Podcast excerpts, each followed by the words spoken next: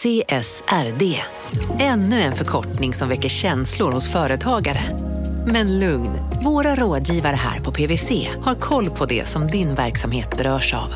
Från hållbarhetslösningar och nya regelverk till affärsutveckling och ansvarsfulla AI-strategier. Välkommen till PWC. Välkomna sommaren med att... Res med Stena Line i sommar och gör det mesta av din semester. Ta bilen till Danmark, Tyskland, Lettland, Polen och resten av Europa. Se alla våra destinationer och boka nu på stenaline.se. Välkommen ombord! Om en yogamatta är på väg till dig, som gör att du för första gången hittar ditt inre lugn och gör dig befordrad på jobbet men du tackar nej för du drivs inte längre av prestation. Då finns det flera smarta sätt att beställa hem din yogamatta på. Som till våra paketboxar till exempel. Hälsningar Postnord. Adam Neumann är en eh, 40-åring. So first of all, thank you for having me again. Han är eh, miljardär And uh, happy International Women's Day. Och en av de största snackpåsarna som eh, startup-världen har sett. WeWork is a leader in the business of renting out spaces to entrepreneurs. The company was founded in 2010. Han är grundare av eh, WeWork It was supposed to be one of the largest IPOs of the year.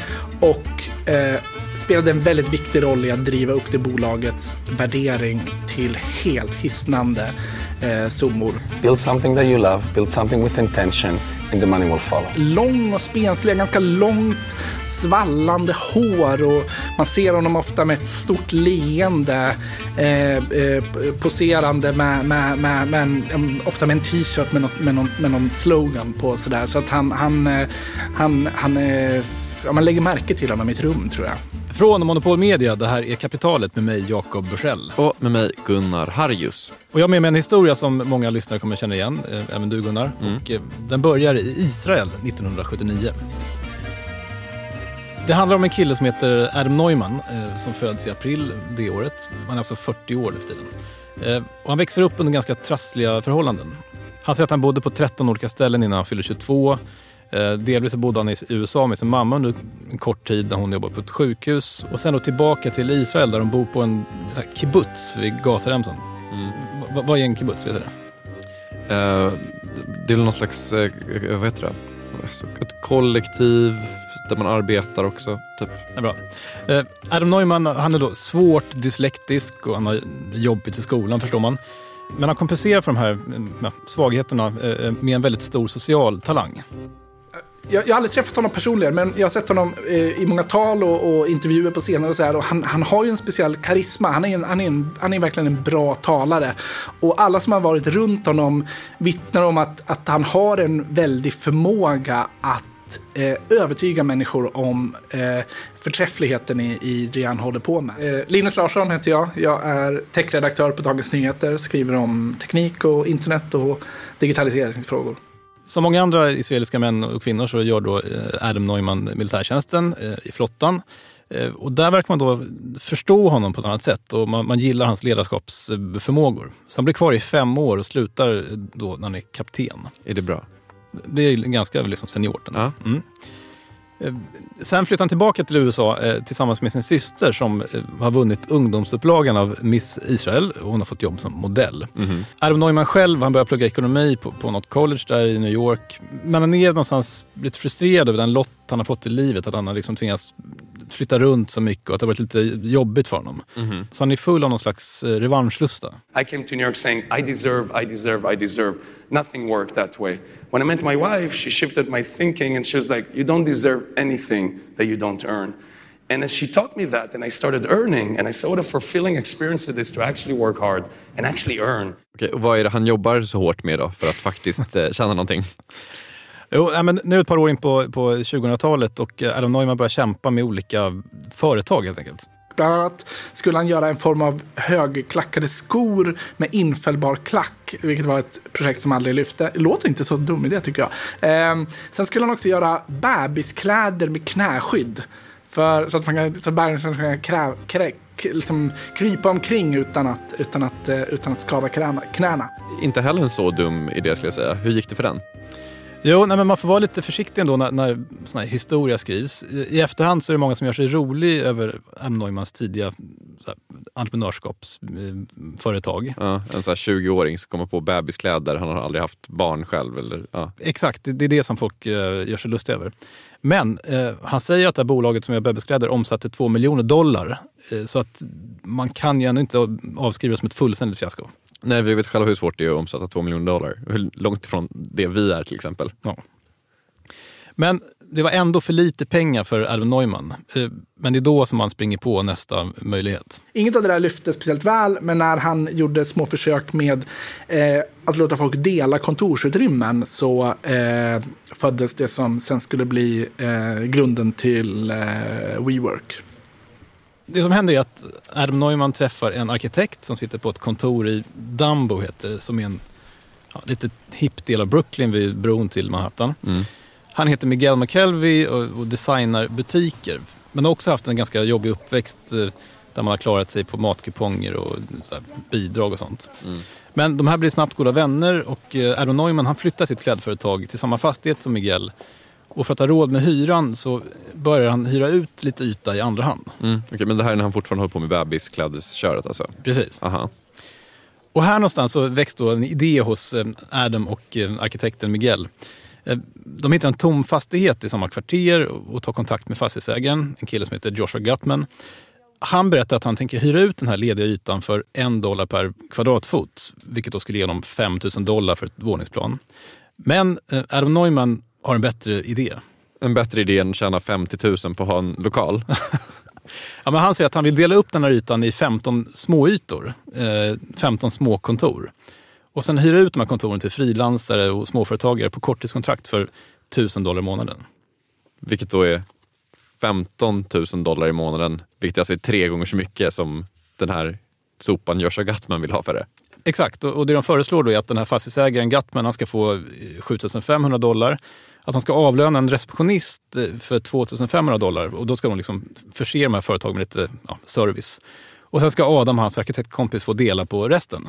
Okej, så att personen som äger fastigheten får mer pengar än vad han trodde att han skulle få. Det finns en receptionist där och eh, de här två kidsen har, har helt plötsligt massa pengar på fickan. En win-win. Win? Tre personer vinner? Fyra om man räknar med att receptionisten får jobb också. Så hur gick det? Bra. Det här bolaget hette Greendesk eh, och eh, gick som tåget direkt. Eh, det går så bra att den här fastighetsägaren Gutman genast då vill kopiera verksamheten och expandera till fler fastigheter. Men Adam och Miguel, ja, jag vet inte det här men man får liksom intryck av att de tyckte att den här eh, Joshua Gutman hade för små ambitioner, han var lite för small time. Och de tänkte så här att här finns ett mycket större varumärke att bygga. Så de säljer sin del av verksamheten, eh, investerar pengarna, runt 300 000 dollar, i ett eget bolag.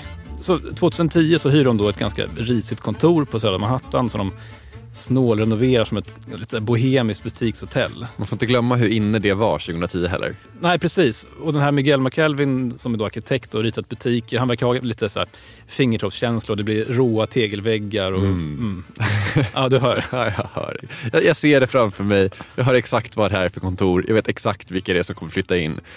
Ja, och de sätter ut då annonser på Craigslist som är då USAs motsvarighet till Blocket kanske man kan säga.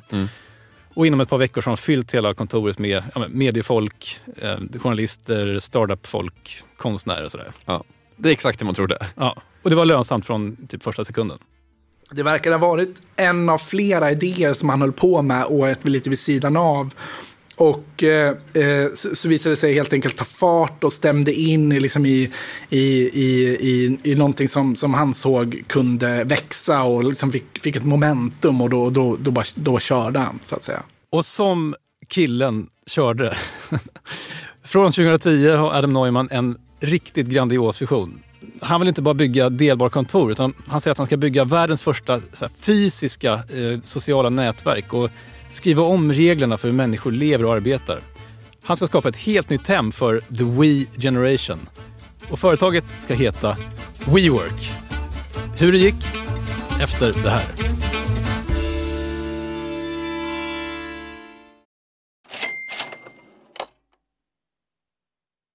Vi sponsras av Storbrand Asset Management som ju förvaltar över 1000 miljarder norska kronor, bland annat för SPPs eh, många pensionssparare.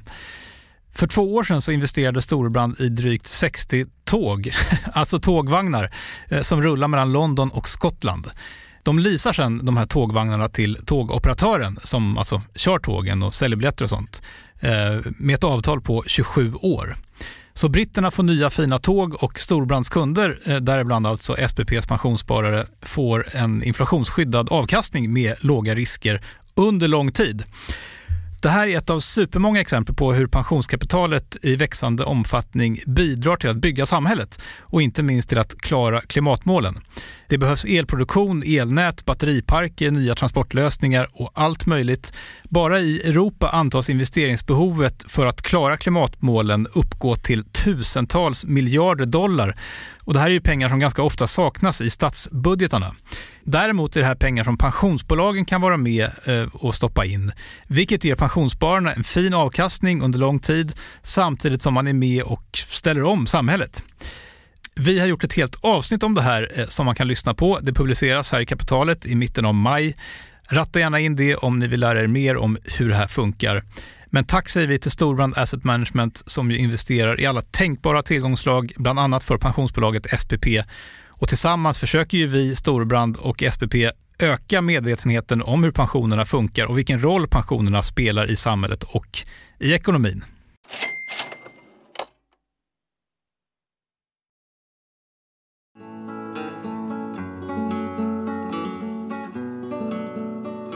Okej, så Adam Neumann, israel-amerikan och hans arkitektkompis har hyrt ett eh, kontor på Manhattan, piffat upp det lite grann och eh, slicat upp det i massa delar då och sen börjat hyra ut eh, kontorsplatser.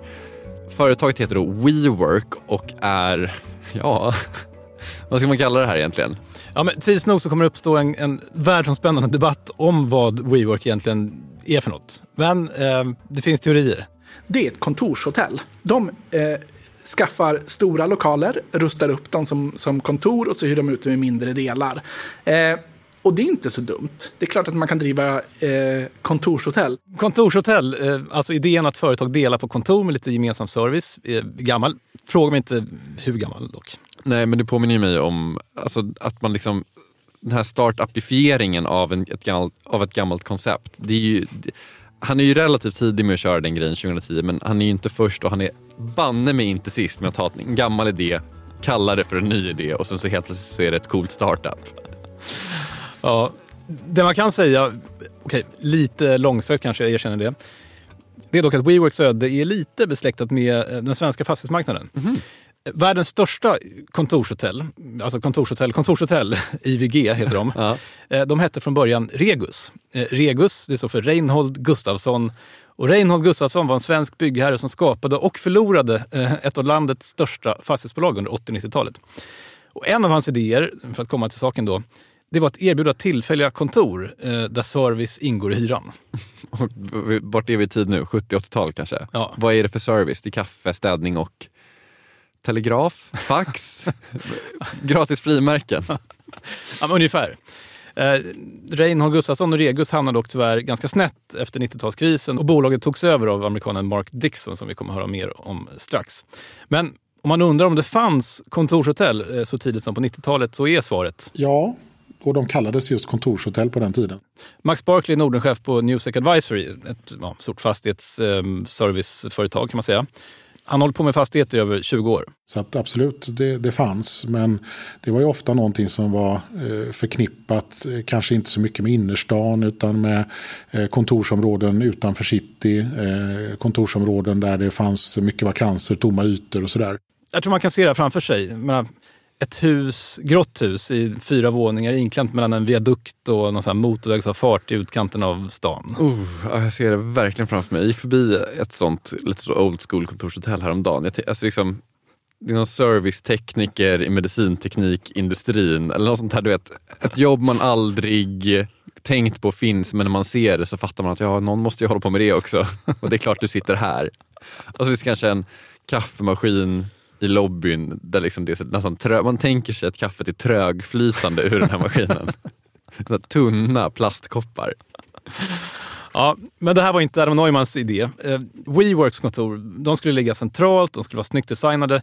Men det var inte designen och läget som var grejen. De försöker verkligen bygga liksom atmosfären av att det är något helt annat som inte bara ska vara ett snyggt kontor utan det ska liksom vända upp och ner på hur, förhåll, hur människor har förhållit sig till, till, till lönearbete mer eller mindre. Och, och, um, och det ska vara så, så, så härliga platser med en, med en speciell gemenskap. Och att så att allt det där, hela den atmosfären, hela den, den approachen, hela den imagen eh, eh, gjorde väldigt mycket för att, för att, för att bygga myten av att, att eh, WeWork stod för någonting helt nytt. Men det, de, det var inte så att de hade någon unik teknik eller något unikt patent eller någonting sånt, utan andra kan ju också bygga kontorshotell.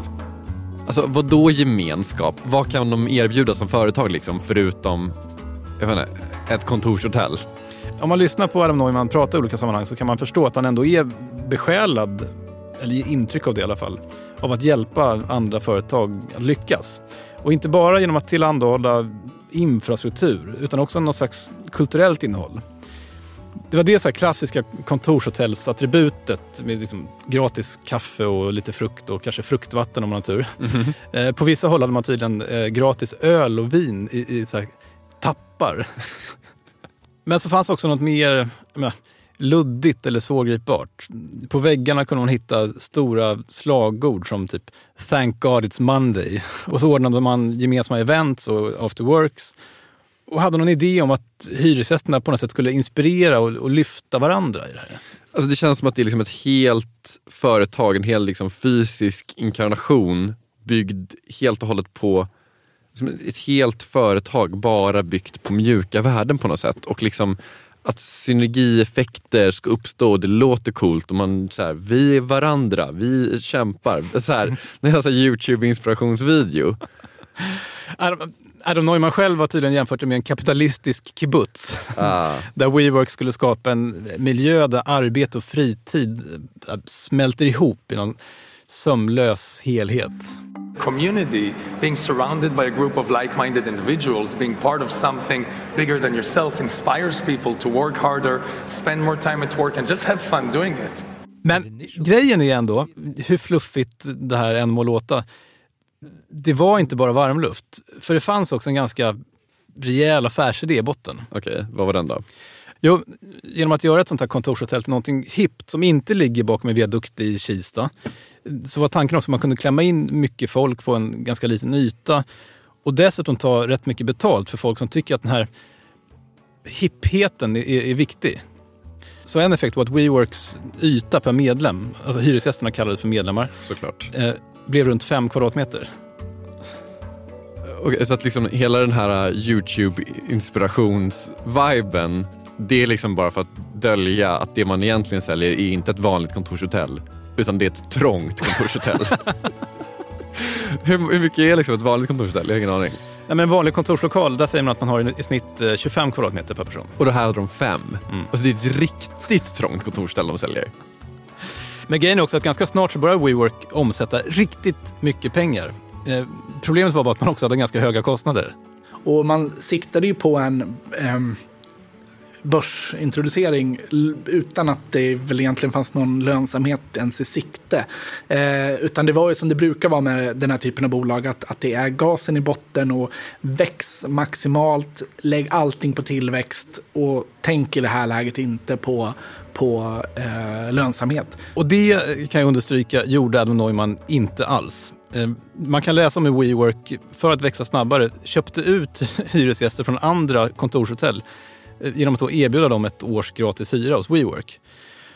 Och för att hålla den här expansionen vid liv så krävdes det ju hur mycket pengar, alltså riskkapital, som helst. Vilket då Adam Neumann hade en jättestor talang för att hitta. Efter bara fyra fem år så lyckas han få in 800 miljoner dollar från JP Morgan och Goldman Sachs. Okej, så det här är liksom den idag väldigt populära strategin att bränna så mycket pengar du kan tills du är den enda som står kvar och alla dina konkurrenter har fallit. Ja, något i den stilen. Vilket förvisso då inte var unikt eh, för WeWork som du säger.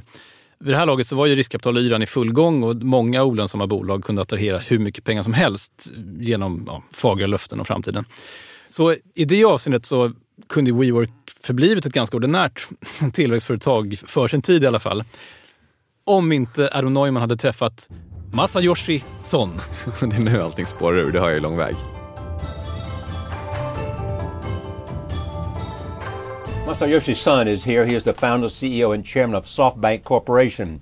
SoftBank is one of Japan's largest mobile carriers and one of the world's largest tech companies.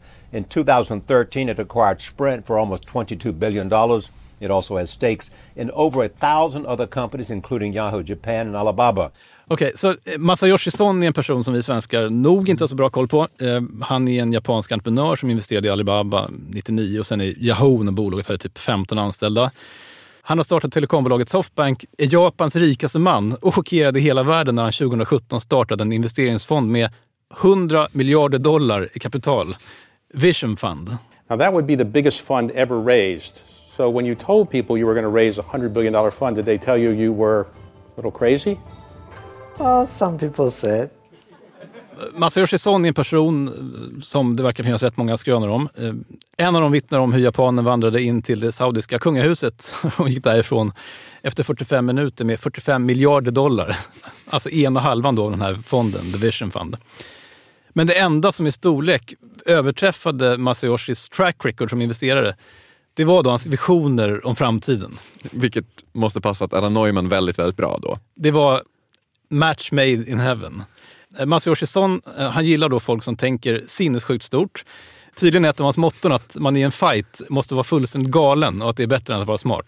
Ja, det där har jag hört. Det tror jag på tills man möter någon som faktiskt är riktigt bra på att slåss. Alltså, jag tror att om du och jag skulle slåss så skulle den som bara kan få upp mest frenesi vinna. även om du kanske är starkare än jag eller tvärtom. Men om en av oss kan slåss, då slår ju det liksom ja. frenesin. Men jag gillar motton ändå, det är kul. Verkligen. Ja. Så 2017 arrangeras ett möte mellan Masayoshi Son och Adam Neumann. Först är det tänkt att de ska träffas eh, och prata i två timmar. Som man då har delat av i Masayoshis liksom, fullbelagda kalender. Mm. Men Masayoshi är då sen, så när han väl dyker upp så har han bara 12 minuter på sig. Så Adam Neumann han slår på skärmen, eh, tar Masayoshi Son på en promenad runt huvudkontoret. Och efter det så bjuder Masayoshi in Adam i sin bil, tar fram en iPad och erbjuder sig investera 4,4 miljarder dollar. och sen skriver de under den här dealen i bilen i paddans ritprogram. Det där är sån där liksom, skriva på näsduken eller på så här servett på en restaurang. Eh, liksom grejer när man säger det här måste bli gjort nu. Fast det då är på 4 miljarder dollar. Ja, ja. Vid det här laget så hade WeWork funnits i sju år. De hade 163 kontor i 52 städer över hela världen. Intäkter på 800 miljoner dollar och en värdering på 17 miljarder. Adam Neumann hade förvandlat sin kapitalistiska kibbutz till ett av världens mest absolut hypade bolag. Men nu hade han fått en bundsförvant med större visioner än han själv. Och instruktionen från Masayoshi Son var enkel. Tänk på hur stort du vill att WeWork ska bli. Sen siktar du tio gånger högre. Hur det gick? Efter det här.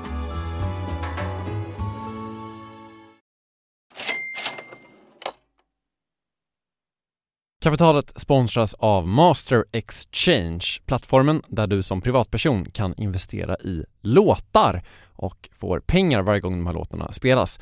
Eh, vi berättade ju senast eh, om barnlåten Puff the Magic Dragon som noterades av Master Exchange under våren. Nu har utdelningen på den låten kommit, eller royaltyn som vi säger i musikbranschen. Eh, den ligger på drygt 12% i årstakt och det här är ju en avkastning som är helt okorrelerad till eh, börsen. Till och med Goldman Sachs har börjat skriva om just musik som investering eh, just ur det här perspektivet. Nu finns en möjlighet att investera i en ny låt. Låten heter Boss Bitch och den är av Doja Cat som, alltså jag ska inte säga att jag är superdeep här men eh, det är ändå en, en, person som jag vet om det är. En, en världskändis.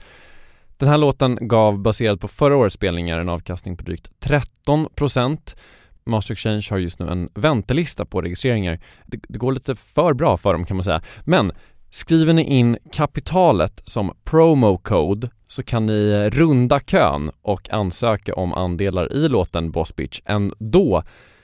Om ni investerar helt vanliga pengar, det är inget krypto eller sånt där, så vill du investera i musik och få en avkastning som är helt okorrelerad med börsen och kanske inte minst för att det är kul att äga låtar eh, så kan man gå in på masterexchange.com och använda kapitalet som promocode så går man alltså förbi kön. Kom ihåg dock att alla investeringar är förenade med risk men vi säger stort, stort tack till Master Exchange. Kapitalet sponsras av Karla, Jakob. Ja, bilar igen. Ja, det är härligt. På Karla kan man sälja sin elbil eh, på det gissningsvis smidigaste sättet i Sverige. Eh, Karla har ju ett nästan ett komiskt högt användarbetyg på Trustpilot. Mm. 4,8 av 5, vilket jag typ aldrig hört talas om. Nej, det är väldigt, väldigt högt. Eh, man knappar in lite info om bilen på sidan, sen får man en gratis värdering och ett bud. Accepterar du budet kommer Karla och hämtar upp bilen gratis och sätter in pengarna innan de kör iväg. Inget mer än så. Rätt fantastiskt. Nej, det är faktiskt helt otroligt. Och eh, det kan bli ännu mer eh, otroligt än så. eh, För att vi har nämligen en rabattkod som ger dig 2000 kronor extra för bilen. Så om du säljer din bil så får du två lax extra. Stämmer. Bara sådär. Eh, Koden är Monopol och eh, den uppger du när du har värderat bilen och eh, pratat med Karlas inköpare. Koden är giltig till sista maj så att eh, passa på om du går i säljartankar. Jag undrar om vi haft en kod som har gett två lax bara sådär någon gång. Nej. Det är helt otroligt. Man behöver en bil förvisso. Absolut, så det är inte, kanske inte bara sådär, men det är ändå 2000 kronor extra. Väldigt bra. Ja. Så sälj din elbil eller laddhybrid till Karla. Du får 2000 kronor extra med rabattkoden Monopol. Eh, hoppa in och kolla på karla.se, Karla Museet. Där kan man också köpa bilar ska jag tillägga. Verkligen. Vi säger stort tack till Karla. För att kunna fortsätta ta in investeringar i den, i den storleksklassen så, så krävs det ju att eh, de kan visa upp en ständig tillväxt, att de, kan, att de kan visa att de etablerar sig på nya platser. De hade ju också ganska stora intäkter. Alltså det var inte så att det inte fanns några pengar som snurrade runt i det här. Det var bara också väldigt, väldigt stora förluster. Man är ju vant sig vid liksom under 2000-talet att eh, mjukföretag kan växa jättesnabbt. Mm. Du kan sälja mer av produkten eller tjänsten utan att egentligen behöva mer folk överhuvudtaget. Men det WeWork gjorde, det var ju ändå något helt annat. Vilket gör bolagets tillväxt rätt svår att ta in. När Masayoshi Son petade in sina 4,4 miljarder eh, dollar i WeWork så hade man ju runt 163 kontor i 52 städer. Eh, Men typ två år senare så hade bolaget 485 kontor i fler än 100 städer. Så typ mer än en, en dubblering i antal kontor. Och alltså, hitta ett kontor, bygga om det, sätta upp de här inspirationsquotesen och typ framförallt hitta någon som kan hyra det. Helt otroligt. Men eh, Neumanns visioner var inte bara begränsade till kontorsmarknaden. Utan nu lanserar han också bolaget WeLive som då skulle erbjuda ja, typ så här studio apartments med kollektiva ytor för millennials. Och företaget WeGrow som skulle höja det kollektiva medvetandet i världen genom att sprida glädje och låsa upp människans superkrafter. Jag vet inte om jag har några kommentarer på det där sista faktiskt. Ja, fortsätt bara. Ett utbildningsföretag. Ja. Men man kan nog ändå säga att WeWork var huvudnumret och man bidrog faktiskt till att stöpa om perspektiven på kontorsmarknaden. Från början var det ju mest frilansare som använde de här tjänsterna eh, som WeWork erbjöd. Men eh, även stora företag började lockas till det här nya, nya och, och, och hippa som man då kanske trodde skulle gjuta liv i bolagens eh, här, kulturer. Ja.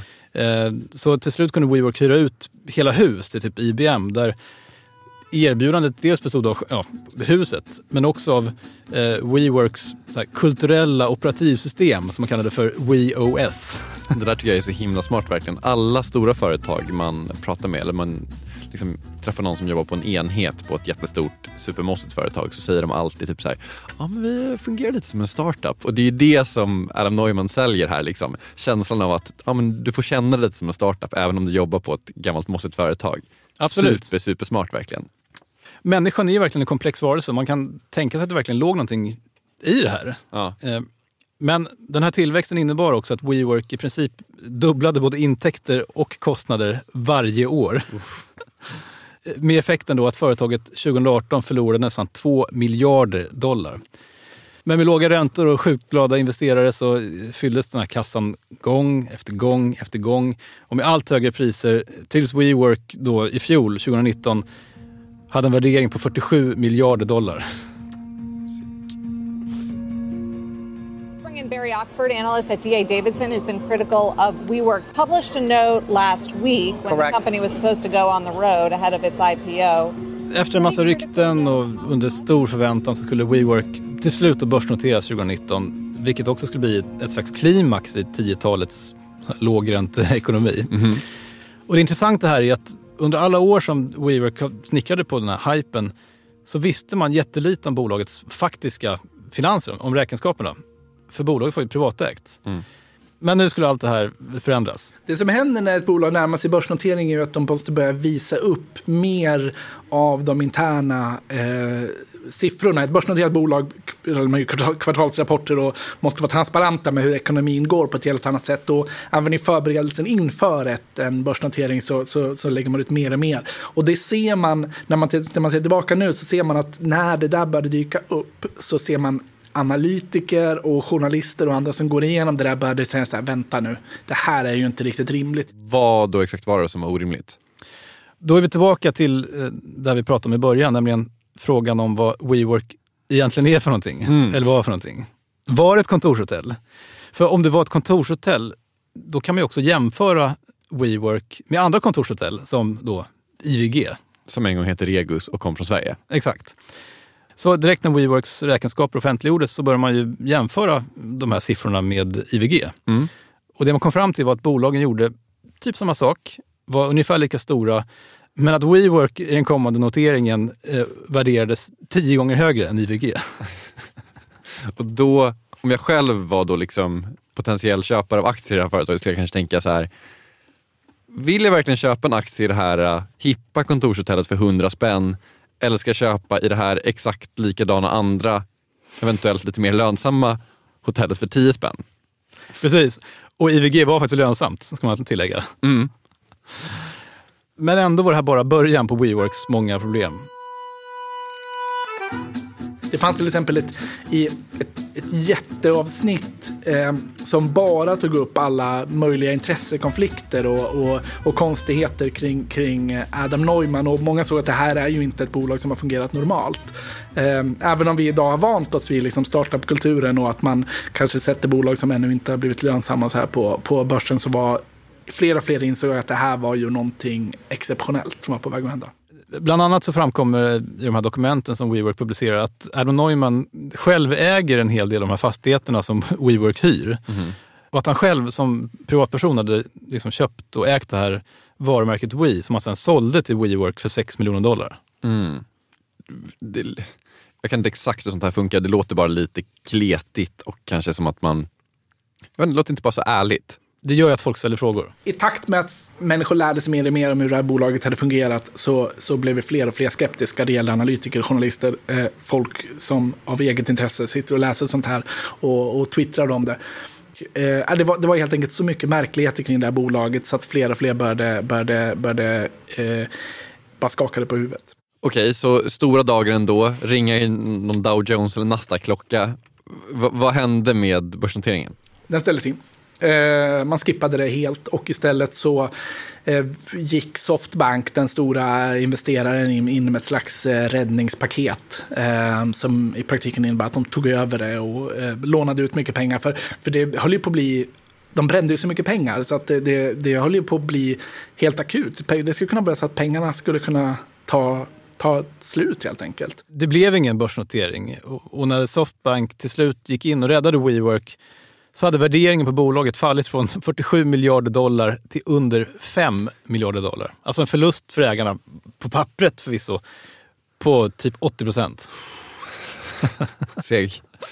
Seg, seg, seg utveckling. Eh, Adam Neumann då, vad hände med honom? Jo, eh, när mediernas sökljus ja, parkerade över WeWork och Adam Neumann, den här historien är ju liksom för bra för att vara sann. Då dök det upp en hel del saker om hans utsvävande personlighet. Att han typ ville bli världens första dollarbiljonär, att han hade planer på att leva för evigt och att han skulle bli president för hela världen. Ja, se vad ni åstadkommer med allt riskkapital. Det är sådana här personer då som... Sen vet man inte vad som är sant Nej, här, men, men det är vad som står i lite olika tidningar. Mm, okej. Men kontentan är att alldeles oavsett hur charmig och, och, och viktig den här Adam Neumann hade varit för WeWork så blev han till slut en för stor belastning för bolaget. Och han tvingades helt enkelt ut från Mm. företaget. Med helt tomma fickor antar jag. Ja, men som en del av den här uppgörelsen med Softbank så fick han då sälja eh, aktier för en miljard dollar. Och så fick han som plåster på såren ett här, konsultarvode på 200 miljoner dollar eh, för att då ge upp sin rösträtt i bolaget. Helt okej plåster. Ja. Det är väl rätt slående då att man kan, när ett bolag kollapsar så spektakulärt som, som WeWork gjorde så är det ju lätt att tänka på det som en sedelärande historia och de, de som blåste upp där de fick vad de, de, fick, de fick vad de tålde till slut och sådär. Men sanningen är ju att han är miljardär idag. Han är dollarmiljardär idag. Eh, han är inte fullt så rik som han såg ut att vara bara något år tidigare. Eh, och han blev inte den där, fick aldrig de här tusen miljarderna dollar. Men han är stenrik. Eh, så att om det finns någon, måste man väl då väldigt krasst konstatera, om det finns någon lärdom för en person som hamnar i, i hans eh, sits igen så är det ju bara tuta och kör. Däremot har ju investerarna fått sig en näsbränna och de, för dem kanske det är en sedelärande historia. Kalas. Mm. Snyggt. Ja. Jättebra. Och eh, det här var alltså Linus Larsson, eh, techredaktör på Dagens Nyheter. Vad tycker du om WeWork Gunnar? Är det ett kontorshotell? Alltså det är väl ett, eh, eh, kanske, jag skulle säga att det kanske är ett livsstilsföretag med produkten kontorshotell som man säljer någonstans ändå. Mm. Men, men primärt livsstil. Jag tycker så här, nu har vi ändå gjort oss lite roliga över WeWork som många andra eh, i programmet, men man måste också komma ihåg att människan är en ganska eh, liksom, komplicerad varelse. Folk köper handväskor för 20 000, eller 50 000 eller 100 000 kronor. Mm. Folk vill inte vara ensamma, man vill ha en gemenskap. Och kan någon erbjuda det så kanske det är helt rimligt att, också att man kan ta mycket betalt för det. Mm. Och det var ju det Adam Neumann gjorde. Alltså folk kanske inte vill sitta på Regus. De kanske vill sitta på, på WeWork. De vill älska måndagar och de vill vara folk som, in, som aldrig ger upp. De vill bli Adam Neumann kanske. Ja. Du har lyssnat på Kapitalet eh, som idag byggt på en lång rad artiklar och filmade intervjuer. Eh, Vi kommer lägga alla länkar på hemsidan eller i poddspelaren för er som vill läsa mer. Avsnittet har mixats av Kristoffer Krook som även har gjort slutmusiken.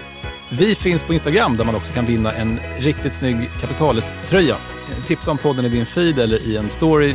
Tagga Kapitalet så belönar vi varje vecka det mest kreativa inlägget med en tröja. Tack för att du lyssnade. Hej då. Hej.